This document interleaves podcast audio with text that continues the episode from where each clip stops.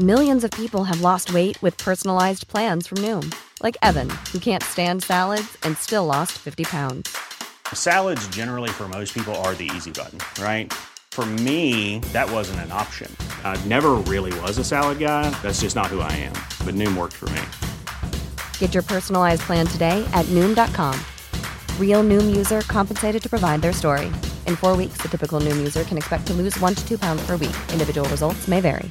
You should celebrate yourself every day, but some days you should celebrate with jewelry. Whether you want to commemorate an unforgettable moment or just bring some added sparkle to your collection, Blue Nile can offer you expert guidance and a wide assortment of jewelry of the highest quality at the best price. Go to BlueNile.com today and experience the ease and convenience of shopping Blue Nile, the original online jeweler since 1999. That's BlueNile.com. BlueNile.com. Ryan Reynolds here from Mint Mobile. With the price of just about everything going up during inflation, we thought we'd bring our prices down. So to help us, we brought in a reverse auctioneer, which is apparently a thing.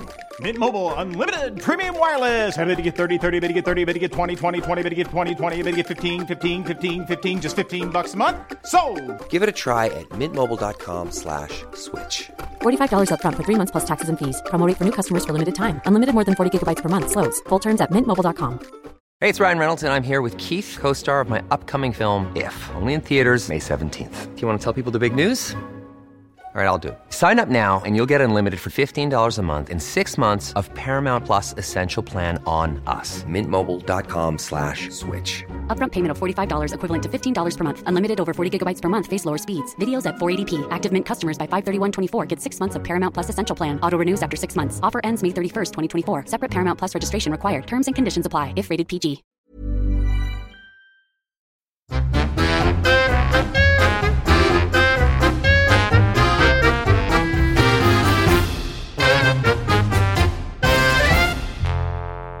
Varmt välkomna till podden Inte din morsa. Jättevarmt välkomna. Förlåt att jag låter lite distraherad, men precis nu så fick jag upp så här, din, dina minnen på Facebook. Och då är det jag som är höggravid och Kristoffer Triumf och Mårten Anderssons livepodd. Det är bara så här, det känns som så länge sedan. Förstår du? Det var, jag är höggravid med Frasse. Ja, då var ju jag med ju. Ja, det är det jag säger. Ja, just det. Alltså då var vi ju på eh, Haymarket. Precis. Vi hade ju en podd, det här är ju så knäppt. Vi hade ju en podd, det hade kunnat bli något riktigt bra om vi hade fortsatt med den. Jag vet. Eh, Hello Africa hette podden. Och den var ju att en del av intäkterna då skulle gå till SOS Barnbyar. Ja, men det lilla, vi fick, det lilla vi fick in gick ju dit. Men det här var ju precis i lindan när, när man... Det var ju liksom en litet test att man skulle kunna ta betalt för sina... Ja, det här med Poddar. Patreon och så var ju inte jättestort och det var krångligt. Nej. Och vi skulle te- Acast hade ju något eh, test där med betalpoddar ett tag. Men eh, de körde inte vidare på det. Men det var väldigt roligt, vi hade ju en relationspodd. Ja, Det enda var att Kristoffer Triumf var väldigt objuckig med Ja. sitt eget privatliv. jag vet. Så det blev lite att du och jag satt och fläskade på. Micke var ju med också i en podd. Har jag Jag kors i taket. Vi hade ju lite olika då teman. Ja, det var roligt. De, de ligger ju faktiskt fortfarande ute Hello Africa. Så är ni sugna på att lyssna på det. Det är inga aktualitetspoddar utan det här är ju poddar om relationer som, eh, på lite olika teman. Vi hade ju Tilde de Paula som gäst. Just ja. Vi hade ju Starka Micke. namn. Ja, alltså vi hade ju riktigt bra gäster. Vi kanske, vi lägger upp den tycker jag. Eh, vi lägger upp dem i våran feed. På, Ja, på morsa. Instagram. Så Ja. vi kan... Och så eh, döper vi dem till Inte din morsa Hello Africa. Ja, precis. Hörru du, du, eh, hur går det med eh, rektor Hamid? Fan vilken härdsmälta det här är. Ah, och det, det är en sån bitterhet. Jag får ju då som sagt inte avslöja några resultat. Men jag kan ju säga så mycket som så här utan att säga för mycket. För nu ska ju tydligen inte de här två programmen med rektor Hamid Safar som ju var i par då med Frida Boysen och eh, ett, en, ett tävlande par i min och Pluras grupp. Så vi har ju då mött de här. Precis. Och eh, utan att säga för mycket, jag är ju då extremt bitter, eh, bara rent tävlingsmässigt över att Ja. han är bortplockad. Sen inser jag att det är extremt olämpligt att en person som har uttryckt sig extremt eh, judehatiskt och eh, homofob, homofobt. Vad säger man? Homofobiskt. Homofobiskt. Att han sitter i, i Sveriges största lekprogram med två miljoner tittare och får bre ut sig och skapa varumärke och eh, ja, framstå som en god människa när man Mm. Inte riktigt är det. Så det var väl jättebra att, att det här plockades bort. Men jag måste också rikta så någon typ av kritik. Att jag tycker att det är helt sjukt att, eh, att både På spåret-redaktionen men framför allt Sommar, eh, han har ju sommarpratat. Det är ju så han har liksom blivit ett namn och att folk vet vem han är och att vi har gjort honom till någon slags hjälte som har styrt upp i, i liksom stökiga invandrartäta områden. Eh, Ja, och han har ju blivit årets svensk. Jag vet. Hur Jag var ju har där. man missat det här? Alltså, Sommar är väl den kanske den mest, alltså, ja, den redaktion på Sveriges Radio som kanske har en av de största liksom, budgetposterna antar jag. Mm. Och det gäller ju På spåret också. Och ja, man kanske inte kan kräva att man har en Lisbeth Salander anställd som sitter och researchar. Men det här verkar ju ändå ha varit ganska så basic. Han har ju varit extremt flitig. Dessutom under ett pseudonym som var Mm, jävligt helt otroligt, avslöjande. Mikael Hamid. Bara, Hak- okej. Hakim. Hakid, ja, det var inte Hakim. Och jag menar, han har ju ändå snackat med ganska många människor som har kunnat gissa sig till att det här var han och som har vetat att det är han. Så att eh, så jävla hård eh, research hade man inte behövt göra för att, att hitta det här snasket. Nej, Men alltså, han är liksom, jag bara känner så här, är han typ IQ-fiskmås eller? Eller är en extrem jävla kicktorsk för att Ja. vem tackar ens ja till att göra sommar? Vem går med på att bli en offentlig person när man har den här bakgrunden? Alltså hur kan man vara så omnipotent eh, narcissistisk att man tror att det här inte ska komma fram. Dels har han ju en hög misstro då eh, gentemot oss journalister att vi inte ska kunna leda fram såna här grejer. Men sen har man Den någon ju slags jävla berättigad. gambling-inställning att man på något sätt bara Ja. gamblar med att det här. Att för att fallet för honom, han kommer ju aldrig mer få en tjänst i offentlig sektor, han kommer aldrig mer kunna jobba som rektor och han är, är ju liksom för evigt doomed utanför, me- ingen kommer liksom höja honom igen. Alltså hans liv är ju inte ljust om man säger fram, framåt. Nej, det inte i alla fall rent eh, vad det gäller hans karriär. Nej, han gjorde, Nej. Han gjorde ett dåliga val. Nej, men jag tycker, jag tycker också att det är så roligt. Det är klart att man vill försvara sig. Så här, det, det mänskliga draget är väl liksom eh, ja, men, ja, men det mest tydliga som vi har. Så här, att when the shit hits the fans så får man panik liksom. Mm. Men jag tycker ändå att det är roligt att han säger att det här var under en period där han var ung och sökande. Han var 33 Ungdomsförsyndelser. Det är ändå så här, Han var liksom, ja, rektor på en Ja. grundskola och satt liksom på rasterna typ och så här Ja, twittrade i är två- pseudonym och så här. det- 2015 var sista inlägget, för då, sa, då blev han tillsagd att folk visste vem han var och sådär. Och ändå så är det ingen av de här journalisterna som har kunnat researcha. Det är ändå märkligt alltså. Jag, jag måste säga att jag tycker extremt eh, synd om Frida Boysen som också Mm. får framstå lite som en idiot faktiskt. För att hon har ju blivit obviously ihopparad med honom. Mm, Tackat ja till det samarbetet. Men ganska många vet ju att hon själv har suttit som så här grävande reporter och vunnit Kristallen för Trolljägarna. Mm, mm. Att hon då inte har lyckats heller då gräva lite grann angående sin partner. Alltså förstår du? Ja. Det kändes också lite så här. Har du Oj då, grävt mycket whoops. eh, om Plura? Ja då. han har ju några skelett i garderoben också. Men Ja, där kan man väl ändå precis. tala. Ja men det har han ju. Ja, ja. Men eh, ja, alltså.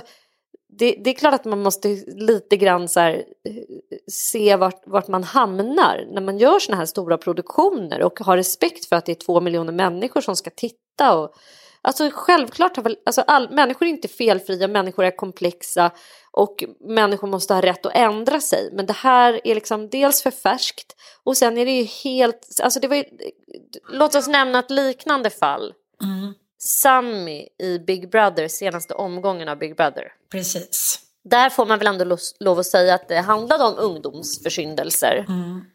Han hade ju då eh, massa Instagram-inlägg där, där man såg då att han hade, eh, vad ska man säga, kopplingar, alltså kläder och tatueringar med kopplingar till vit makt. Så kan man säga. Ett hakkors hade han bland annat intatuerat på ena benet. Han, han har synts med nazi, nazisymboler. Ja, Grejen är den att han har ju då eh, tatuerat eller gjort här lasergrejer och tagit bort sina högerextrema tatueringar inför då in, inträdet i Big Brother-huset och han har ju då tagit avstånd från sina då ungdomsförsyndelser som han väljer att kalla det. Och han har ju tydligen haft någon så här, en av tatueringarna är sifferkombinationen 1488 Precis. och det är ett sätt att säga jag är Hitlers arvtagande. Ja, arvtagare. Och det här blev ett jävla halabaloo. Flera utav då de som satt i den här lilla åsiktspanelen, bland annat eh, Moa från eh, Della Q. Hon satt ju då i tv och tyckte till om liksom det här och, och, och sen var det då flera som hoppade av och som bara jag vill inte vara i samma hus med, som en person som har haft den här typen av värderingar. Men så det där delade ju liksom så här, ska man ha rätt att ändra sig om man har haft sjuka åsikter och kraftigt tagit avstånd från dem och liksom insett att man har varit liksom en idiot. Hur lång tid efter det? Eller ska man vara forever doomed liksom? det rådde ju en liksom väldigt försmådd och så här, deppig och chockad stämning på sociala medier igår. Det måste man ju eh, ändå säga. Folk var ju liksom jävligt chockade. Det är väldigt sällan som jag tycker så här gemene man typ går ur huset på sociala medier och bara så här vad fan, hur gick det här till? Det kändes som att så här, en, ett helt land kände sig förda bakom ljuset av den så här upcoming goda invandrarkillen typ. Eh, som har liksom vill förändra för barn och liksom, men på något sätt, han har ju försökt, ja, han har ju också gjort mycket förändringar på den här, vad heter den, sjumila skolan där i Göteborg. Han har ju varit en talesperson för så här, kidsen, en, kidsens utanförskap, liksom. Att det går att vända, fördomar går att krossa, allting går att vända ganska snabbt liksom. Han har varit liksom en stor och härlig framtidsbjörn med vettiga åsikter liksom. Men problemet tycker jag, om jag då får göra en jämförelse med äpplen och päron, så eh, Sammy, dels var han ju så här mycket yngre, eh, kommer från en eh, ganska trasig bakgrund. Det ser man ju själv när man har ungdomar, de är ju lätta och förvilla med, med starka övertygelser. Och känner man sig då utanför, det enda människan vill är att höra samman med någonting. Men med just rektor Hamid så känner jag så här, det här var mellan när han var 28 och 33 år. Och redan liksom en etablerad yrkesman. Sen är ju också så, men, han har ju också jobbat med många människor som är judar och suttit och spelat en jävla dubbelfallsspel. Jag menar, Sami har ju inte spelat något dubbelspel. Han, eh, alltså han var ju... Dels har han varit öppen med sina åsikter. Han har inte gått och... Do- så här, för att det är också en stor skillnad tycker jag mellan Hamid Safar och eh, Sami då, Big Brother. Det är ju att eh, Sami har aldrig dolt det. Hamid Safar har ju så här, skapat en falsk eh, identitet. Han har, han har verkligen kört doppfäll, alltså dubbelpersonas. Och det, det har man ju generellt väldigt svårt för. För det är extremt manipulativt. För det handlar ju om att skapa vinning eh, och påverka i olika forum och grupper.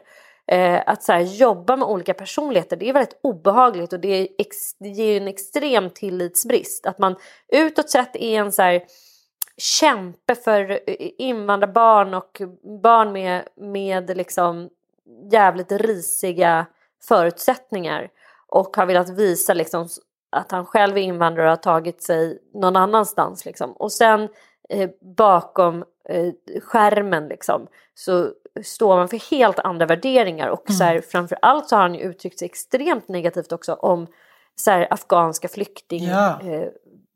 Pojkar och eh, alltså många olika typer av eh, grupper som han dels så här Det vet väl Eh, alla att de, bara, att de hittar på sin ålder. Och, han har varit men superrasistisk Ja, ja. liksom.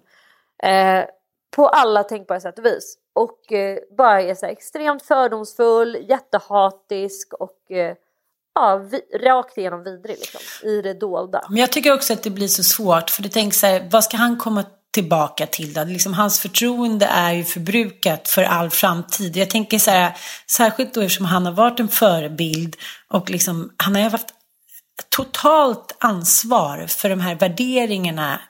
Som, alltså han har ju varit rektor, han har varit ansvar för deras värderingar och utveckling i den här skolan. Och helt plötsligt nu så visar han då att nej, det där man sa, det, det behövde man inte stå för. Man kunde vara ett, liksom, ett jävla rasistiskt arsle. Så att eh, han, han, det tycker jag är det fulaste, att så här, förbruka barnens förtroende. Det, nej, jag tycker att han, eh, jag tror att det blir svårt i alla fall. Så här, värde en andra chans, det är väl klart att alla människor är värda en andra chans, men då kanske han får börja med typ, inte vet jag. Nej, jag tycker inte alls att man behöver förlåta honom, men jag tycker att det där är ett extremt klandervärt beteende. Om man, om man jobbar i offentlig sektor för skattefinansierade eh, alltså löner, då får man fan mig åtminstone det minsta man kan begära vara ärlig, tänker jag. Ja, och jag tycker också... Det är väl det minsta liksom, lilla kravet man kan ha. Men det är också det är samma sak med Mona Sahlin. Det ja. var folk som så pratade om att det var synd att jag inte fick bli statsminister. Jag tycker mm. att jag vet inte vem det var som skrev en krönika om det i DN. Så här, Nej, det, det var jättetur att du inte blev statsminister. För vem fan vill ha en superslarver som statsminister? En person som trots upprepade tillsägelser från så här, regeringskansliet inte klarar av att skilja på sitt eget kort och, och regeringens kort. Alltså kom igen. Mm. Det är väl det minsta möjliga kravet man kan ha på en person som ska bli statsminister. Att inte slarva med så här, fundamentalt enkla prylar. Ska man jobba i offentlig sektor och livnära sig, det vill säga uppbära lön via liksom skattefinansierat resurser, då kan man för fan begära lite enkel och rättfram ärlighet, tänker jag. Men kommer ni få spela om då? Ja, ja, ja. ja. ja alltså nu, jag har ju haft då krissamtal mm. från eh, olika håll och kanter hela dagen igår. Och, de ska i alla fall lyfta bort de här programmen där han medverkar och det innebär ju att det är två program eh, i vår grupp då som ska inleda hela På spåret. Och nu håller de på att kasta om och möblerar om och så undersöker de möjligheten att då ta in ett nytt par som vi då kan få göra nya matcher mot. Men det är långt ifrån klart. Vi bara inväntar eh, någon typ av krisplan här närmsta dagarna. Ah, Okej. Okay. Jag vet ju också när man säger det där är ju en sån otrolig härdsmälta att ställa upp i det där. Så att man är så jävla glad när det är över. Man bara säger, joho, jag gick levande ur det där. Så bara, nu börjar vi om. Ja men alltså ja, Nej, men det, jag, det känns det som att så här, jag har precis eh, bestigit Kebnekaise, ah. kommit ner och du vet har så här skavsår i hela själen. Upp så igen så här, typ. Nej du måste tyvärr göra det igen för att vi glömde liksom att typ, ta bilder när du var där uppe. Tyvärr. Nej. Ja det känns så jävla segt. Helt otroligt. Alltså. Sjukt eh, osugen. Men bara... Det är som det va. Allt är Hamids fel.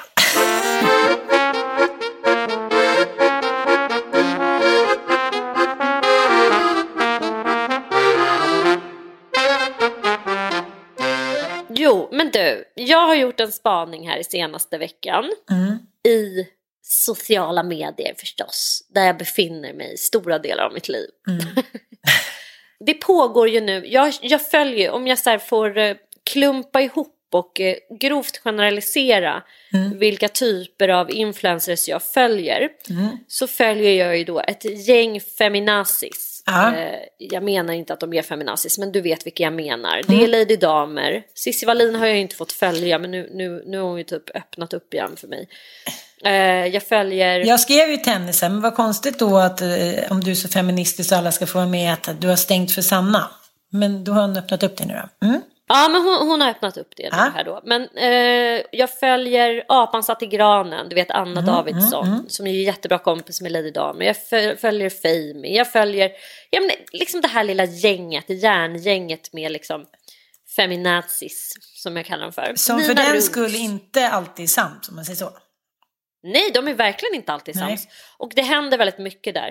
Det är i alla fall den kategorin människor. Sen följer jag ju de, det här gänget med amish-kvinnor. Sofia Woods, Elsa Billgren, alltså de vi har pratat om så mycket. Den här andra nya generationen står feminister som skapar kvinnlighet på ett annat sätt som kanske mer kan då kallas för särartsfeminister. Att de så här verkligen lever ut det feminina till varje pris liksom. Eh, och sen följer jag ju massor med hästmänniskor förstås som inte har någonting med liksom så här politiska politik eller någonting att göra mer än att man har gemensamma nämnaren eh, i hästarna.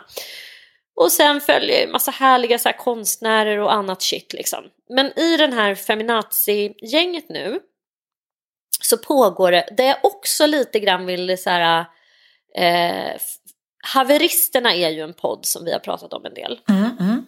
Eller hur? Ja. Haveristerna är ju en poddtrio som består av två snubbar nu, Henko och vad fan heter han? Alltså de, de har, de, från första början så skapade de inte rasistmän. Ja.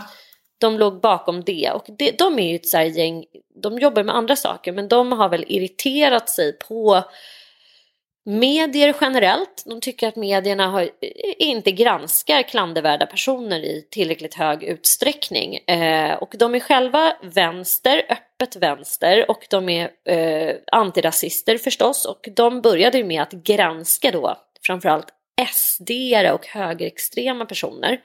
Och tillhandahöll den infon till typ Aftonbladet här för mig inför valet. Så de gjorde ju jättestora avslöjanden som verkligen eh, ja, på något sätt har visat upp eh, flertalet personer i SD, eh, deras här, gamla försyndelser och ja, annat snask. Haveristerna eh, har då som enda ledord eh, i sin podd att granska klandervärda personer. Och det betyder alltså inte att de bara granskar personer eh, som är högerextrema eller nynassar eller SD utan de granskar alla som är klandervärda. Så de har ju då gett sig på både Linnea Claesson, Cissi Wallin och eh, gardet framförallt.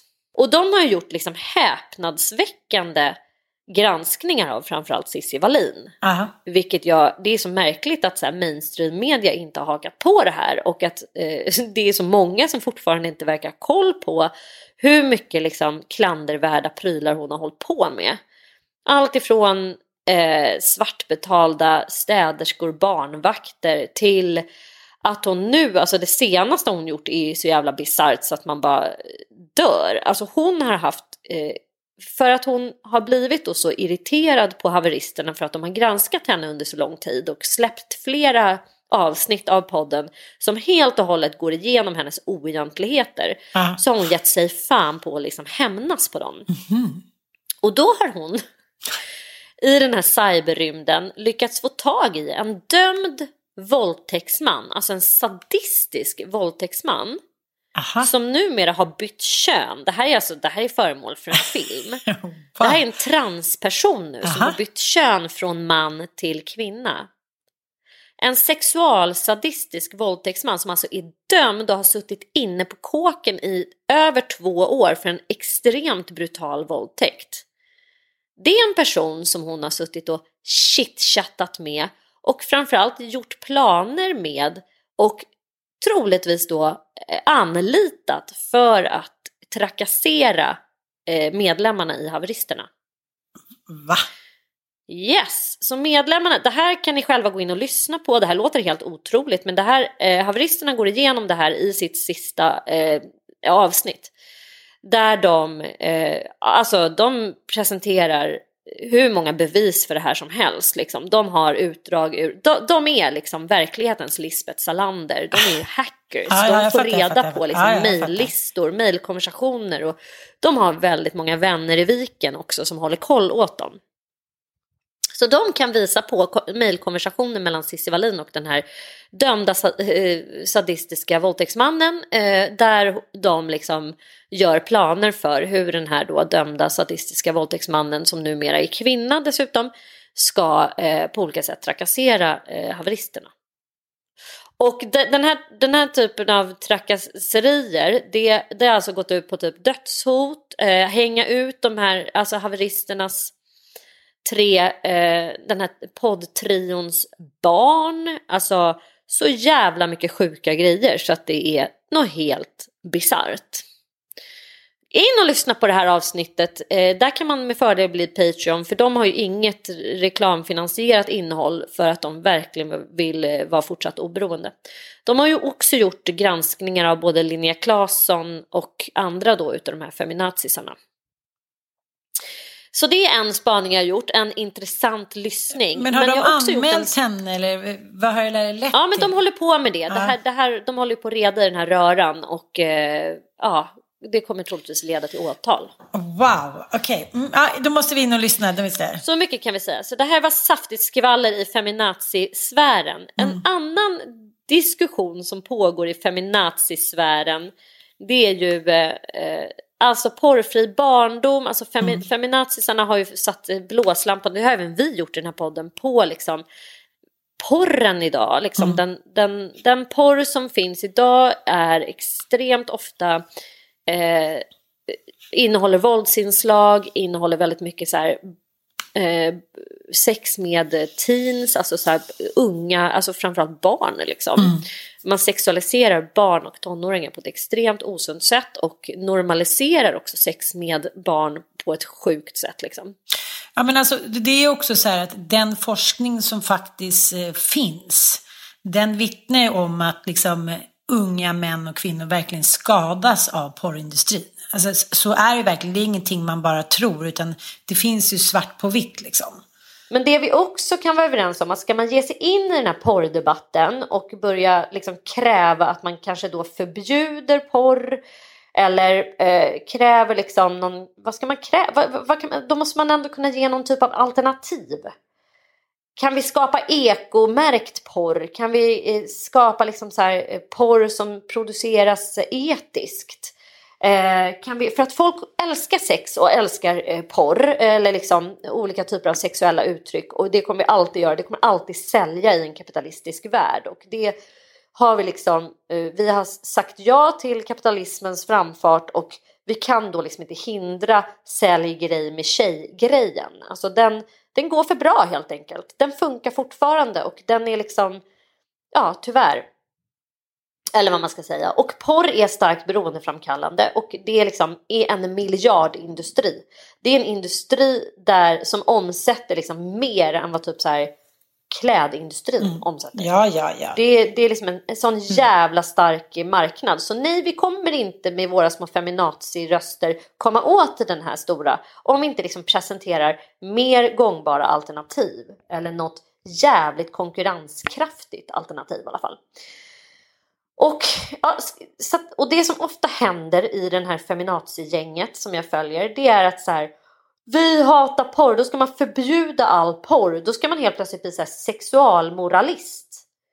Då blir liksom den enda sexet som på något sätt då ska få idkas. Det är mellan man och kvinna i en sänghalmen i missionären med samtycke och det är liksom så här.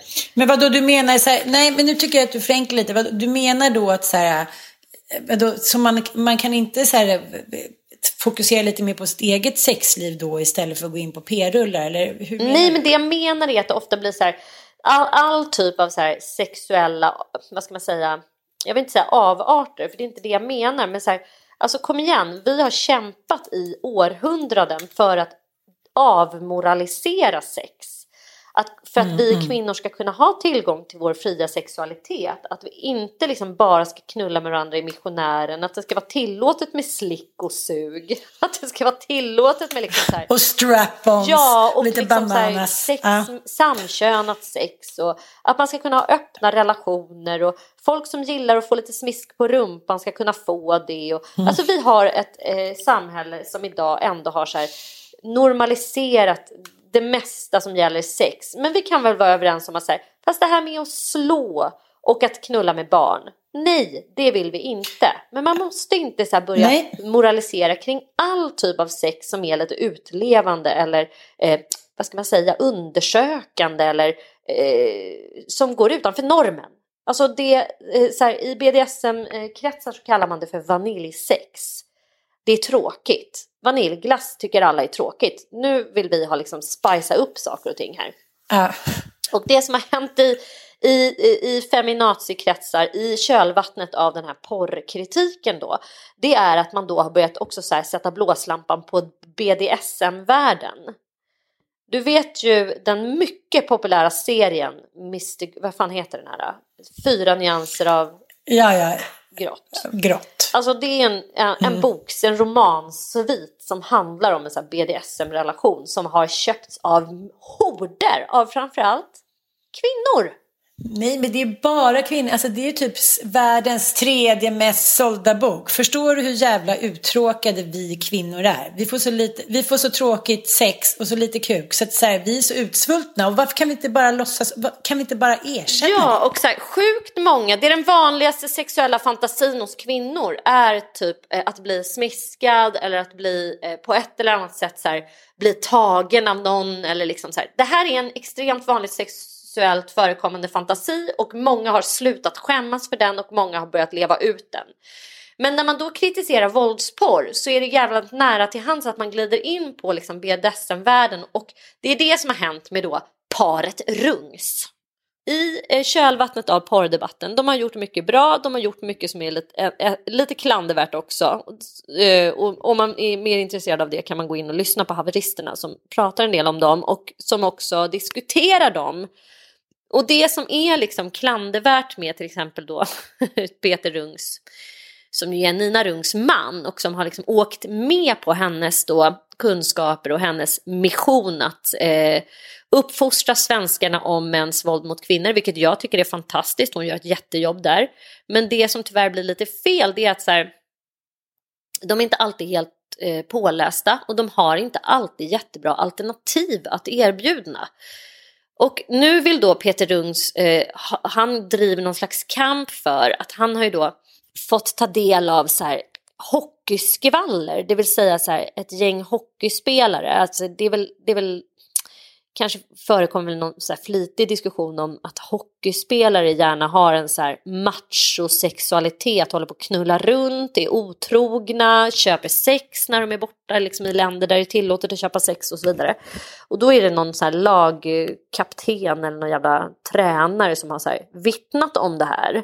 Och som bland annat då har sagt eh, att så här, ah, det är så sorgligt när man landar på Arlanda och spelarfruarna står där och så vet man vad grabbarna haft för sig liksom dagen innan.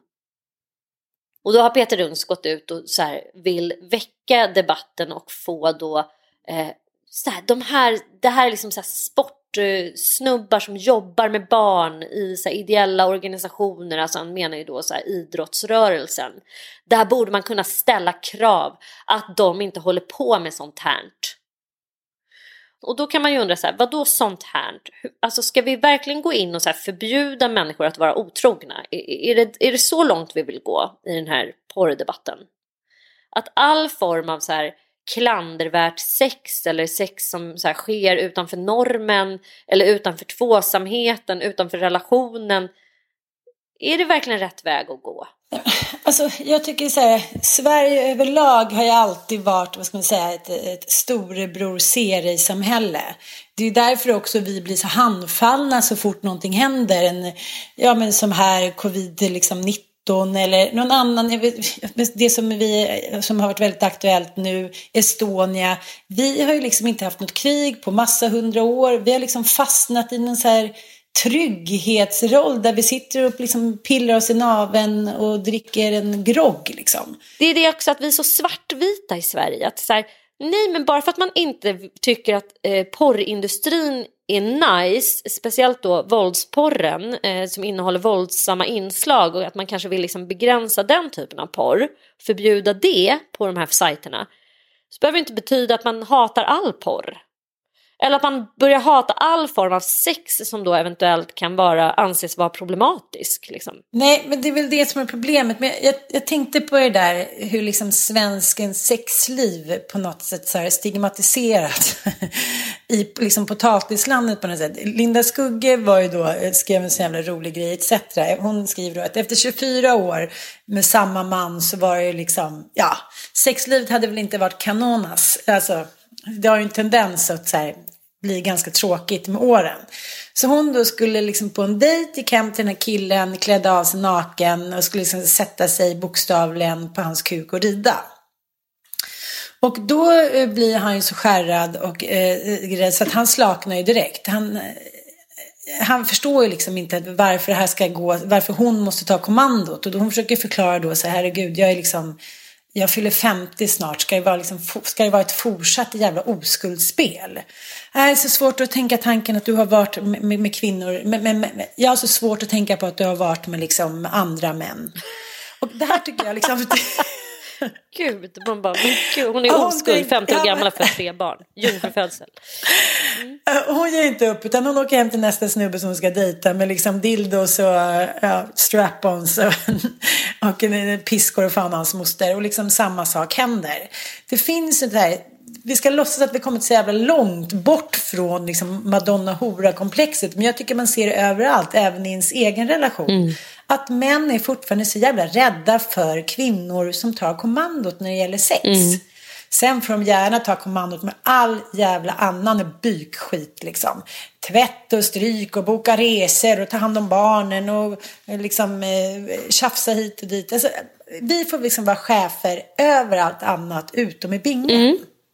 Och liksom innan man ändrar på den här då inställningen till Madonna hora så kommer det fort, liksom alltid fortsätta vara de här jävla porrfilmerna med sadistiska inslag och våld och snubbar som drömmer om att så här, få trycka ner huvudet på tjejer. För att det är en fantasi som väcker en fantasi. Mm. Man, liksom, det är svårt att motstå. Det tycker jag själv när man liksom hamnat lite fel och det är någon så här, man kanske tryckt in på någon porrfilm så är det liksom någon lite våldsinslag. Det blir så här, man blir äcklad men det sätter igång saker i en som man inte riktigt kan förklara eller tygla. Mm.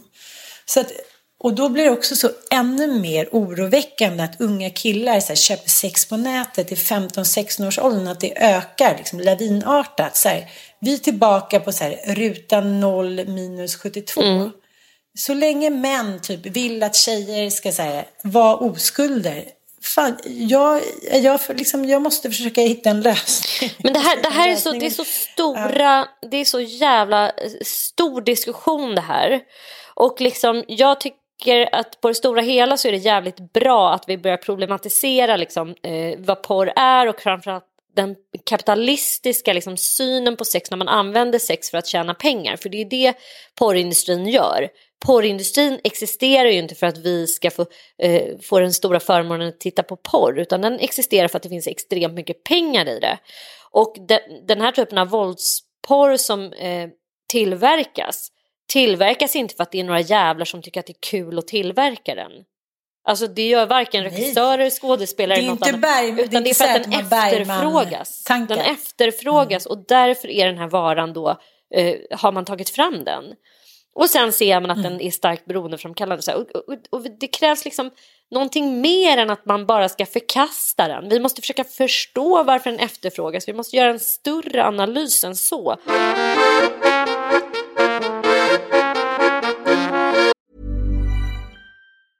A lot can happen in three years, like a chatbot may be your new best friend. But what won't change? Needing health insurance. United Healthcare Tri Term Medical Plans, underwritten by Golden Rule Insurance Company, offer flexible, budget friendly coverage that lasts nearly three years in some states. Learn more at uh1.com. Ryan Reynolds here from Mint Mobile. With the price of just about everything going up during inflation, we thought we'd bring our prices down.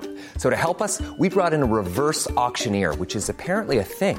Mint Mobile unlimited premium wireless. Ready to get 30, 30, bit to get 30, bit to get 20, 20, 20, bit to get 20, 20, bit to get 15, 15, 15, 15 just 15 bucks a month. So, Give it a try at mintmobile.com/switch. slash $45 up front for 3 months plus taxes and fees. Promo rate for new customers for limited time. Unlimited more than 40 gigabytes per month slows. Full terms at mintmobile.com.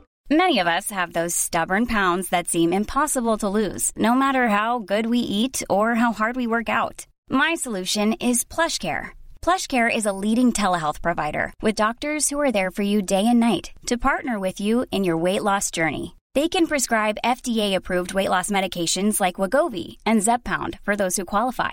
Plus, they accept most insurance plans. To get started, visit plushcare.com slash weight loss. That's plushcare.com slash weight loss. Hey, it's Ryan Reynolds, and I'm here with Keith, co-star of my upcoming film, If, only in theaters May 17th. Do you want to tell people the big news? All right, I'll do it. Sign up now and you'll get unlimited for $15 a month in six months of Paramount Plus Essential Plan on us. Mintmobile.com slash switch. Upfront payment of $45 equivalent to $15 per month. Unlimited over 40 gigabytes per month. Face lower speeds. Videos at 480p. Active Mint customers by 531.24 get six months of Paramount Plus Essential Plan. Auto renews after six months. Offer ends May 31st, 2024. Separate Paramount Plus registration required. Terms and conditions apply if rated PG.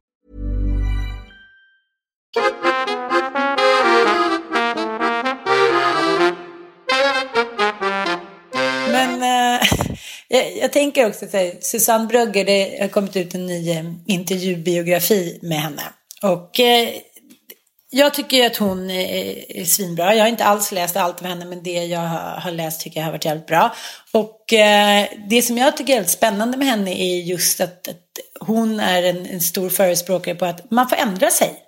Man behöver till exempel inte vara en, en feminist på barrikaden hela sitt liv. Man behöver inte, alltså det är inget fult att vilja byta inriktning eller liv. Det kan man få göra massa gånger Ja, men nu säger det emot lite om vi tänker rektorn Hamid här, att man kan byta, nu menar jag. Nej för, att, nej, för att den största kritiken vi riktar mot Hamid, det är ju att han har en dold, han har dolt, alltså han har jobbat med dubbelpersonligheter och det är allt aldrig okej. Okay. Om han hade varit öppet förespråkare för de här åsikterna och mm. sen ändrat sig och stått för det, då hade vi nog kanske haft lättare att förlåta honom. Mm, Men nu mm. så har han ju liksom kört med dubbla persona och det är aldrig nice. Alltså det är som att ha dubbla familjer. Alltså all den typen av så här dubbelliv är ju hemskt. Precis, men hon, Susanne Brugger har ju aldrig haft en dold agenda. Nej, hon har aldrig haft en dold agenda utan hon har ju, hon har ju blivit hårt kritiserad för att hon var eh, väldigt en feministisk mm. och en feministikon och sen så gick hon in i en så här superkonservativ eh, tvåsamhet Var? med en så här borgerlig man. Liksom. Ja, men å andra sidan så här. Och blev hemmafru. Typ. Ja, precis. Det var ju superborgerligt. Men för henne var ju då i hennes kretsar ett vanligt liv. Förstår du vad jag menar? Ja. Man kan ju inte säga gå från vänstern hela tiden och säga så här, men Susanne Brögger var superkonservativ. Hon träffade den här snubben, hon var ju lite konservativ, rörde sig i de kretsarna, skaffade barn, blev hemmafru. Och, men hemmafru, en skrivande hemmafru, liksom, då är jag en hemmafru, jag sitter ju hemma och skriver. Ja, men man kan ja. väl säga att hon fick ekonomiska förutsättningar ja, av den här mannen precis. tror jag. Att kunna liksom, backa lite och inte stå på barrikaderna. Absolut. Och hon så här drog sig undan. Nej. Men det var ju det som gjorde att hennes fans, liksom, som hade mytologiserat henne och satt henne på en jävla ikonisk pedestal, de lackade ju ur. De kunde liksom inte köpa att hon var som alla andra. Mm, precis. Och det här är ju liksom spännande tycker jag. Jag tänker på eh, ja, men, ta allt från liksom, ja, men din Karaslok till Torsten Fling till eh, ja, men, kvinnliga ikoner som har liksom, ja, men Courtney Love hit och dit. Och sen så helt plötsligt, man älskar ju att så här, man älskar ju att människor kan leva ett galet liv och ändå lyckas. Lex Mick Jagger hit. Man tänker så här, hur fan är det ens möjligt att de står på benen fortare än de där liksom, galna skorpionerna? Och just för Susanne Bröger eh, så blev det ju då eh, ja, det blev liksom mycket kritik hos hennes fans. Uh, men jag tänker på allt det där med, med, om man ska säga, alla som ska vara så politiska. Nu hon myntade ju uttrycket att säga det privata är politiskt. Och det var ju liksom typ 40 år före sin tid. För det är ju någonting som sker nu när alla har tillgång till liksom sina sociala medier, att allting blir politiskt och därför så är all, alla feministiska uttryck sanna. Förstår lite vad jag menar? Så det är en så speciell liksom, tid när, när alla kan uttrycka sig och därför då har makten till sitt eget politiska uttryck på något sätt. Och jag tänkte det när jag eh, läste den här boken att det finns en scen då när Susanne Brugge har blivit våldtagen. Mm. Och eh, kommer hem då, hennes mamma, hon berättade det för sin mamma men hon eh, hennes mamma är ju då såklart av den gamla skolan. Susanne Brugger är väl typ, är inte hon 70 nu? Jo, hon är född ja. 44 så hon är mm. 75. Ja, så då kan man ju tänka sig, då var det en kvinna som kanske ja, men var född liksom för, innan första världskriget till och med, så här, 1910, ja, men jag bara ponerar nu. Och eh, det här är liksom, tycker jag, väldigt återkommande. Jag vill prata med dig om det eftersom jag själv har haft en mamma men inga döttrar. Mm. Och jag lyssnar på Bergman-podden och jag har pratat, liksom, det här är bara en röd tråd som jag har varit liksom lite inne på senaste året hur svårt det är för liksom mammor att eh, här, ta emot sina döttrar med öppna armar när de på något sätt då enligt norm och yttre samhälleliga liksom, påtryckningar har misslyckats. Som man ändå får säga tidigare liksom, har ju, en våldtäkt har ju liksom lagts på kvinnan och det är det som också sker i, i Björnstad som har premiär nu på HBO. Det handlar ju förresten om det här hockeylaget Mm. Eh, det är ju Fredrik Backmans supersäljare som nu har blivit liksom en tv-serie. Att så här, identiteten i hela det här lilla samhället är någonting. Det behöver, I det här samhället, Björnstad, så är det ju då ett hockeylag. Men det kan ju vara vad fan som helst. Det kan ju vara, ja men, eh, som En hembygdsgård, ja verkligen. Ja, det kan ju vara vad som helst. Men alla vill ju liksom synas på kartan på något sätt. Mm. Uh, och det kanske känns lite som gamla Sverige, men så är det ju fortfarande. Och då, en av de här killarna i hockeylaget som är liksom the star våldtar en tjej och hon får skulden. Mm. Och det här är ju liksom baserat såklart på ja, men, verkligheten. Det här ja, hände ju på riktigt. Precis. Och uh, jag tänker det också så här, ja, men, när man lyssnar på Bergman och man pratar så här, om hur, hur, vilket problematik det verkar vara fortfarande för kvinnor att så här, prata med sina döttrar om och öppna famnen. Att det är så här, ja, nu torkar vi av oss hel och ren så shoppar vi inte. Vilket Tror gör att, ja, jag, jo, jag tycker liksom, det är något komplext med mammor och döttrar och så här, det måste ju så här, tjejer måste ju kanske frigöra sig på ett annat sätt, jag vet inte. Men då frågar jag dig, till exempel med Olga, tycker du att det är en stor förändring på hur du kunde prata med din mamma? Ja, verkligen. Jättestor skillnad. Mm. Och det tror jag har att göra med eh, att så här, sexualmoralen på något sätt har förändrats och att vi har ett mycket öppnare, alltså vi är ju väldigt duktiga på att peka på saker som går åt helvete hela tiden. Mm. Så här, som vi har varit inne på, att så här, ah, ungdomar idag mår mycket sämre och det är så jobbigt för dem i alla sociala medier och ah, att de blir så hetsade med så här, vackra kroppar kring sig. Så här. Jo, fast det är också en sanning att så här, nu har ju liksom våra ungdomar tillgång till kroppspositivister och alternativa bilder mm. på kroppar. Och, alltså det finns ju massa som är bra med, med vår tid också. Liksom. Mm. Och eh, det är väl verkligen en grej som jag tycker är skitbra med vår tid. Att, det, att saker som har varit skam och tabu typ att prata om sex med sina eh, barn nu är lättare. Även om det görs alldeles för lite så är det lättare än för vår mors, alltså våra mm. föräldrars generation var det där, what? Då var det verkligen det där pinsamma samtalet om blommor. Tänk dig köra så för tuffa räka bara, har ni haft sex? Ja, eller så här, eh, här är kondomer om du skulle behöva, underförstått, du vet vad jag menar. Det var liksom inte så här, men så att jag tycker, jag håller inte alls med om, jag tycker också att så här, de flickor som jag har haft förmånen att träffa, alltså Olga har haft väldigt mycket kompisar. Och det har ju varit eh, en och annan tveksam situation om man säger så. Alltså pojkar, alltså en eh, kille faktiskt som eh, har gått i liksom Olgas eh, klass eller om det var parallellklass eller hur det nu var. Men som då under någon fest eh, ja, alltså tjejen som han då var intresserad av var dyngrak. Och eh, typ utslagen och han då passade på att så här, hångla med henne och ja, liksom smeka henne eller jag vet inte exakt vad det var som hände. Men hon, hon eh, anklagade ju honom då för eh, att ha blivit våldtagen av honom. Det här var en sjukt stor grej liksom. Okej. Okay jättestor diskussion och det här vet jag att så här, det här var ju uppe på tapeten, alla föräldrar visste ju om det här, vad som hade hänt på den här festen och sådär. Det hade ju aldrig diskuterats i den vuxna gemenskapen under min tonårstid. Alltså, nej. No way shall say. Det hade tyvärr bara varit så här, oj gud jag var så packad, för fan vad jobbigt. Och så hade man fått leva med den skammen och det traumat som tjej att så här, oj jag försatte mig i den här jobbiga situationen, det här jobbiga hände. Men man hade ju definitivt inte blandat in vuxna i det. Om det inte hade handlat om en så här ren överfallsvåldtäkt. Mm. Nej, det hade varit lite... Ja, men det där har jag... då, då hade det kanske blandats in vuxna och liksom gjorts polisanmälan.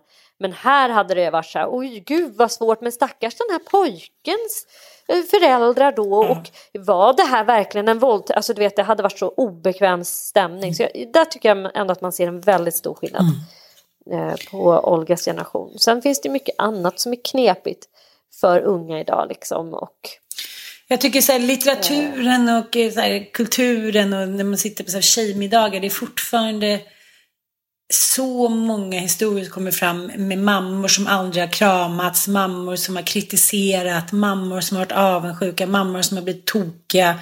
Alltså riktiga fucking crazy wacko-mammor.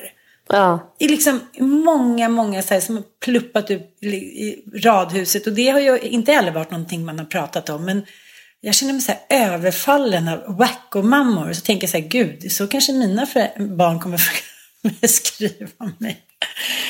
Ja, men vi har väl levt i en så här, vi har väl levt i en tid nu tänker jag där man har velat verkligen så här, ta bort skulden från mamman. Mm, För att under en lång tid under så här, när Freud hade stort inflytande på psykologin så äh, had, handlade ju allt om så här, mamma issues. Allt var mammas fel. Allting handlade om att mamman hade liksom brustit i omvårdnad, anknytning och sådär. Och nu idag så har vi, liksom velat helt och hållet flytta fokus till biologiska förklaringar till människors dåliga mående. Att så här, ingenting har med mamman att göra, sluta beskyll mamman och mamman har bara gjort sitt allra bästa. Och det är också en del av den här feministiska rörelsen att liksom så här, ta bort skulden från morsorna, låt oss få dricka sprit. Där kan jag bli lite provocerad, jag följer ju Lady Damer och eh, eh, Famey, de har ju eh, en podd tillsammans som för övrigt är ofta väldigt bra. Men de är också så extremt okritiska. De dricker ju väldigt mycket. Har du följt dem på senaste? Nej, nej. Men de är ju, det är drinkar och det är liksom, det de sitter och blaskar med GTs olika drinkar till höger och vänster liksom. Och så försöker ju båda två bli gravida nu igen. Aha, okej. ja. Så de kämpar ju för att bli gravida och det går inte så bra för dem. Så de håller på med olika typ så här hormonbehandlingar och de har också fått ganska mycket kritik för att de har liksom inte försökt i mer än ett år. Och innan man har försökt bli gravid i ett år så kan man inte liksom prata om ofrivillig barnlöshet utan de här har försökt i typ ett halvår och är ju redan helt knäckta och håller på med ägglossningstester och man får följa deras resor i deras sociala medier. Men samtidigt sitter de och röker och dricker och röker och dricker. Och, så de, de eh, har ju verkligen omfamnat hela den här grejen att så här, sluta skamma morsorna. Låt oss röka, g- dricka, äta, vara hur tjocka vi vill. Och ingen jävel ska liksom kritisera oss för någonting. Punkt jävla slut typ. Och där tycker jag också att det är så här, men gud vänta nu. Vad, är det, är det också det här svartvita? Att så här, då ska man fan få bete sig som vilken jävla Cornelis Vreeswijks gubbe som helst och bara sitta och supa, bli, vara fet och så här. Du förstår vad jag menar? Men jag fattar, men jag, det, det är ju så här, om man ska säga fram till för liksom eh, typ fem år sedan så har ju så här, ja men om man tar den tidiga psykologin så ansåg ju den att allt var liksom mammornas fel. Om man var homosexuell, schizofren, autistisk, om man har kvinnohat, bla bla bla. Hela vår jävla tradition är ju ett fett långt aktivt skuldbeläggande av morsor och inte av farsor som endast stått bredvid. Jag tänkte så här, men förra året när det var de här, det var ju tre väldigt omtalade dokumentärer. Vad var det? Leaving Neverland, Vi överlevde R. Kelly. Och Weinstein. Precis. Och eh, just i, i Weinstein-fallet så kanske inte morsan har kommit upp eh, så många gånger. Men alltid när det är den här typen av dokumentärer så är ju alltid den stora, mest hetska frågan. Hur kunde mammorna bara stå och se på? Låta det ske. Ja, och det, det är liksom... Eh, papperna är på något sätt aldrig... Det är inte som att de ens är närvarande. Nej, helt plötsligt har man inga krä... Alltså i Leaving Neverland så kände jag ju själv instinktivt det. Mm. Men det var ju också för att de var ensamstående mammor. Så det är inte så konstigt att man kände så liksom. Nej, Eh, men- men... det är klart att papperna är ännu större fuck up som bara har lämnat. Mm. Men samtidigt, jag tycker ju så här, ja absolut så ska vi sluta skuldbelägga morsorna och det är en jätteviktig kritik att lyfta. Men lösningen är ju inte att mammorna ska gå och bli som eh, idioter själva. Och det, så så här, jag älskar Lady Damer, jag tycker hon, hon har gjort en stor jävla insats för att sprida feminismen. Men samtidigt så är jag bara så här, men gud, varför måste du vara Cornelis Vreeswijk? Varför måste du röka? Och hon också så här, liksom så här, först kör hon attachment parenting och ska ge sitt, sina små barn fram tills att de är tre år så här, närvaro, vara en klanderfri hemmafru som bara går hemma hela tiden och så här, sover med dem, ammar dem eh, så här, sent och länge. Och nu har hon knappat av. Och då ska hon inte ens sova. Nu får Oskar sova med barnen. Nu får Oskar vara med dem. Nu vill jag gå ut och festa med Fami. Nu vill jag eh, dricka drinkar och röka och, och åka på olika så här. Och hon har ju fått liksom lite kritik för det här i kommentarsfältet. Och det slår hon ju bara ifrån sig. Man har ingenting för att kritisera den här kvinnan. För kvinnor har fått tillräckligt med kritik i sina dagar. Så därför ska man bara hålla käften och låta henne dricka sin GT. Och det fattar väl vem som helst att hon inte dricker GT när hon är med sina barn på något oschysst sätt. Är en helt dumma i huvudet typ. Men återigen, det svartvita det är liksom svenskens, nu klumpar jag ihop, men det här är ju en tendens jag tycker mig se i det offentliga rummet i Sverige, att allt är svart eller vitt. Att det ska dras så jävla långt hela tiden. Eh, ska man kritisera man Jo. porr, ja men då ska man så förbjudas, då ska man inte knulla överhuvudtaget längre utan då så här, det enda som ska då, så här, man får inte vara otrogen heller. Kan, kan vi gå in och lagstifta om det? Kan vi förbjuda all porr? Kan vi förbjuda människor från att vara otrogna? Kan vi linda in mänskligheten i bomull så att vi aldrig någonsin kan såra varandra på något endaste litet sätt? Okej? Alltså det är liksom, det, det, då vill man dra det så jävla långt. Eh, och, och, och det är väl det som är min stora sammanfattande spaning den här veckan. Du är som Bergman, du är arg. Du är ständigt, Ständigt arg. förbannad. Det är som han sa. Ständigt allseende eh, omnipotent. Den enda goda människan. Det är tur att vi finns han. De enda som...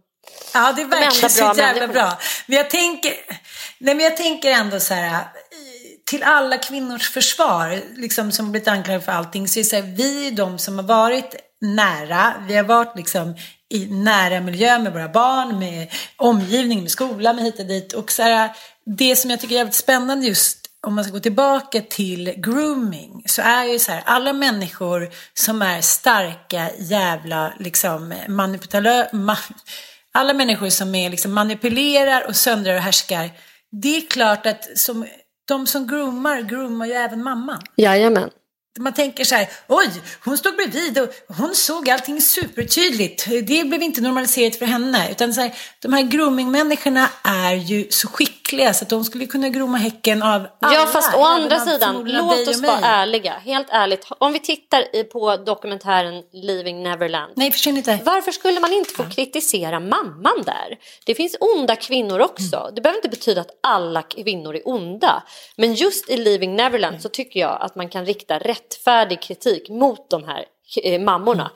Och det handlar också väldigt mycket om pengar i det här fallet. Och det gör det tyvärr i väldigt Mm. många fall av övergrepp. Att det handlar om att man tillåter saker, eh, tillåter människor att gå över gränsen för att man får antingen status eller pengar. Alltså förhöjd status eller förhöjd liksom, pengar. Och att man kan vara i väldigt stort behov av det.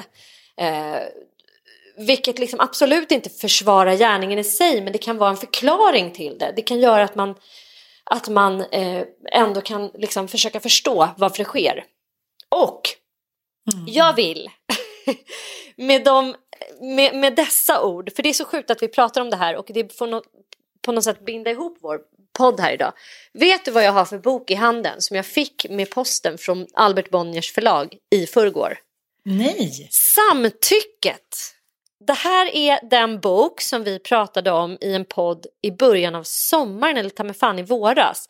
När vi började lyfta den här frågan om grooming, om så här, att pedofili, alltså teen sex är en sån jävla stor del som vi inte har problematiserat förrän nu i vårt samhälle.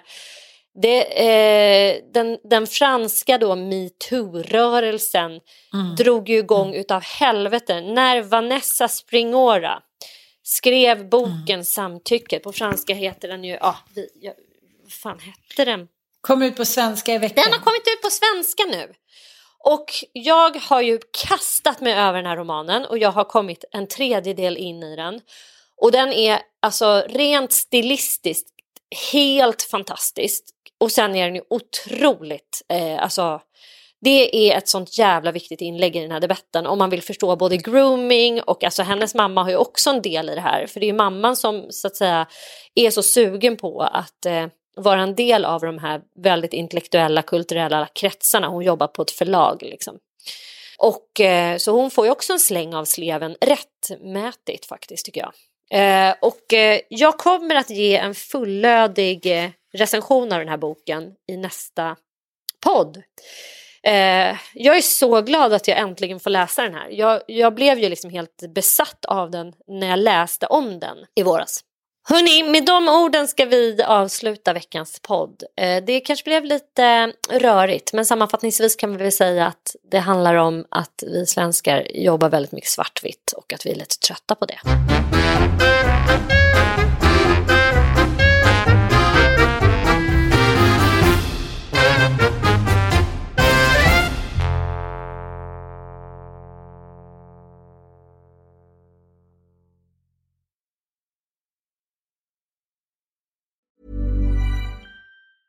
Hey, it's Danny Pellegrino from Everything Iconic. Ready to upgrade your style game without blowing your budget? Check out Quince. They've got all the good stuff shirts and polos, activewear, and fine leather goods, all at 50 to 80% less than other high end brands. And the best part? They're all about safe, ethical, and responsible manufacturing. Get that luxury vibe without the luxury price tag. Hit up quince.com slash upgrade for free shipping and 365 day returns on your next order. That's quince.com slash upgrade. Planning for your next trip? Elevate your travel style with Quince. Quince has all the jet setting essentials you'll want for your next getaway, like European linen, premium luggage options, buttery soft Italian leather bags, and so much more. And is all priced at 50 to 80% less than similar brands. Plus, Quince only works with factories that use safe and ethical manufacturing practices. Pack your bags with high-quality essentials you'll be wearing for vacations to come with Quince. Go to quince.com/pack for free shipping and 365-day returns.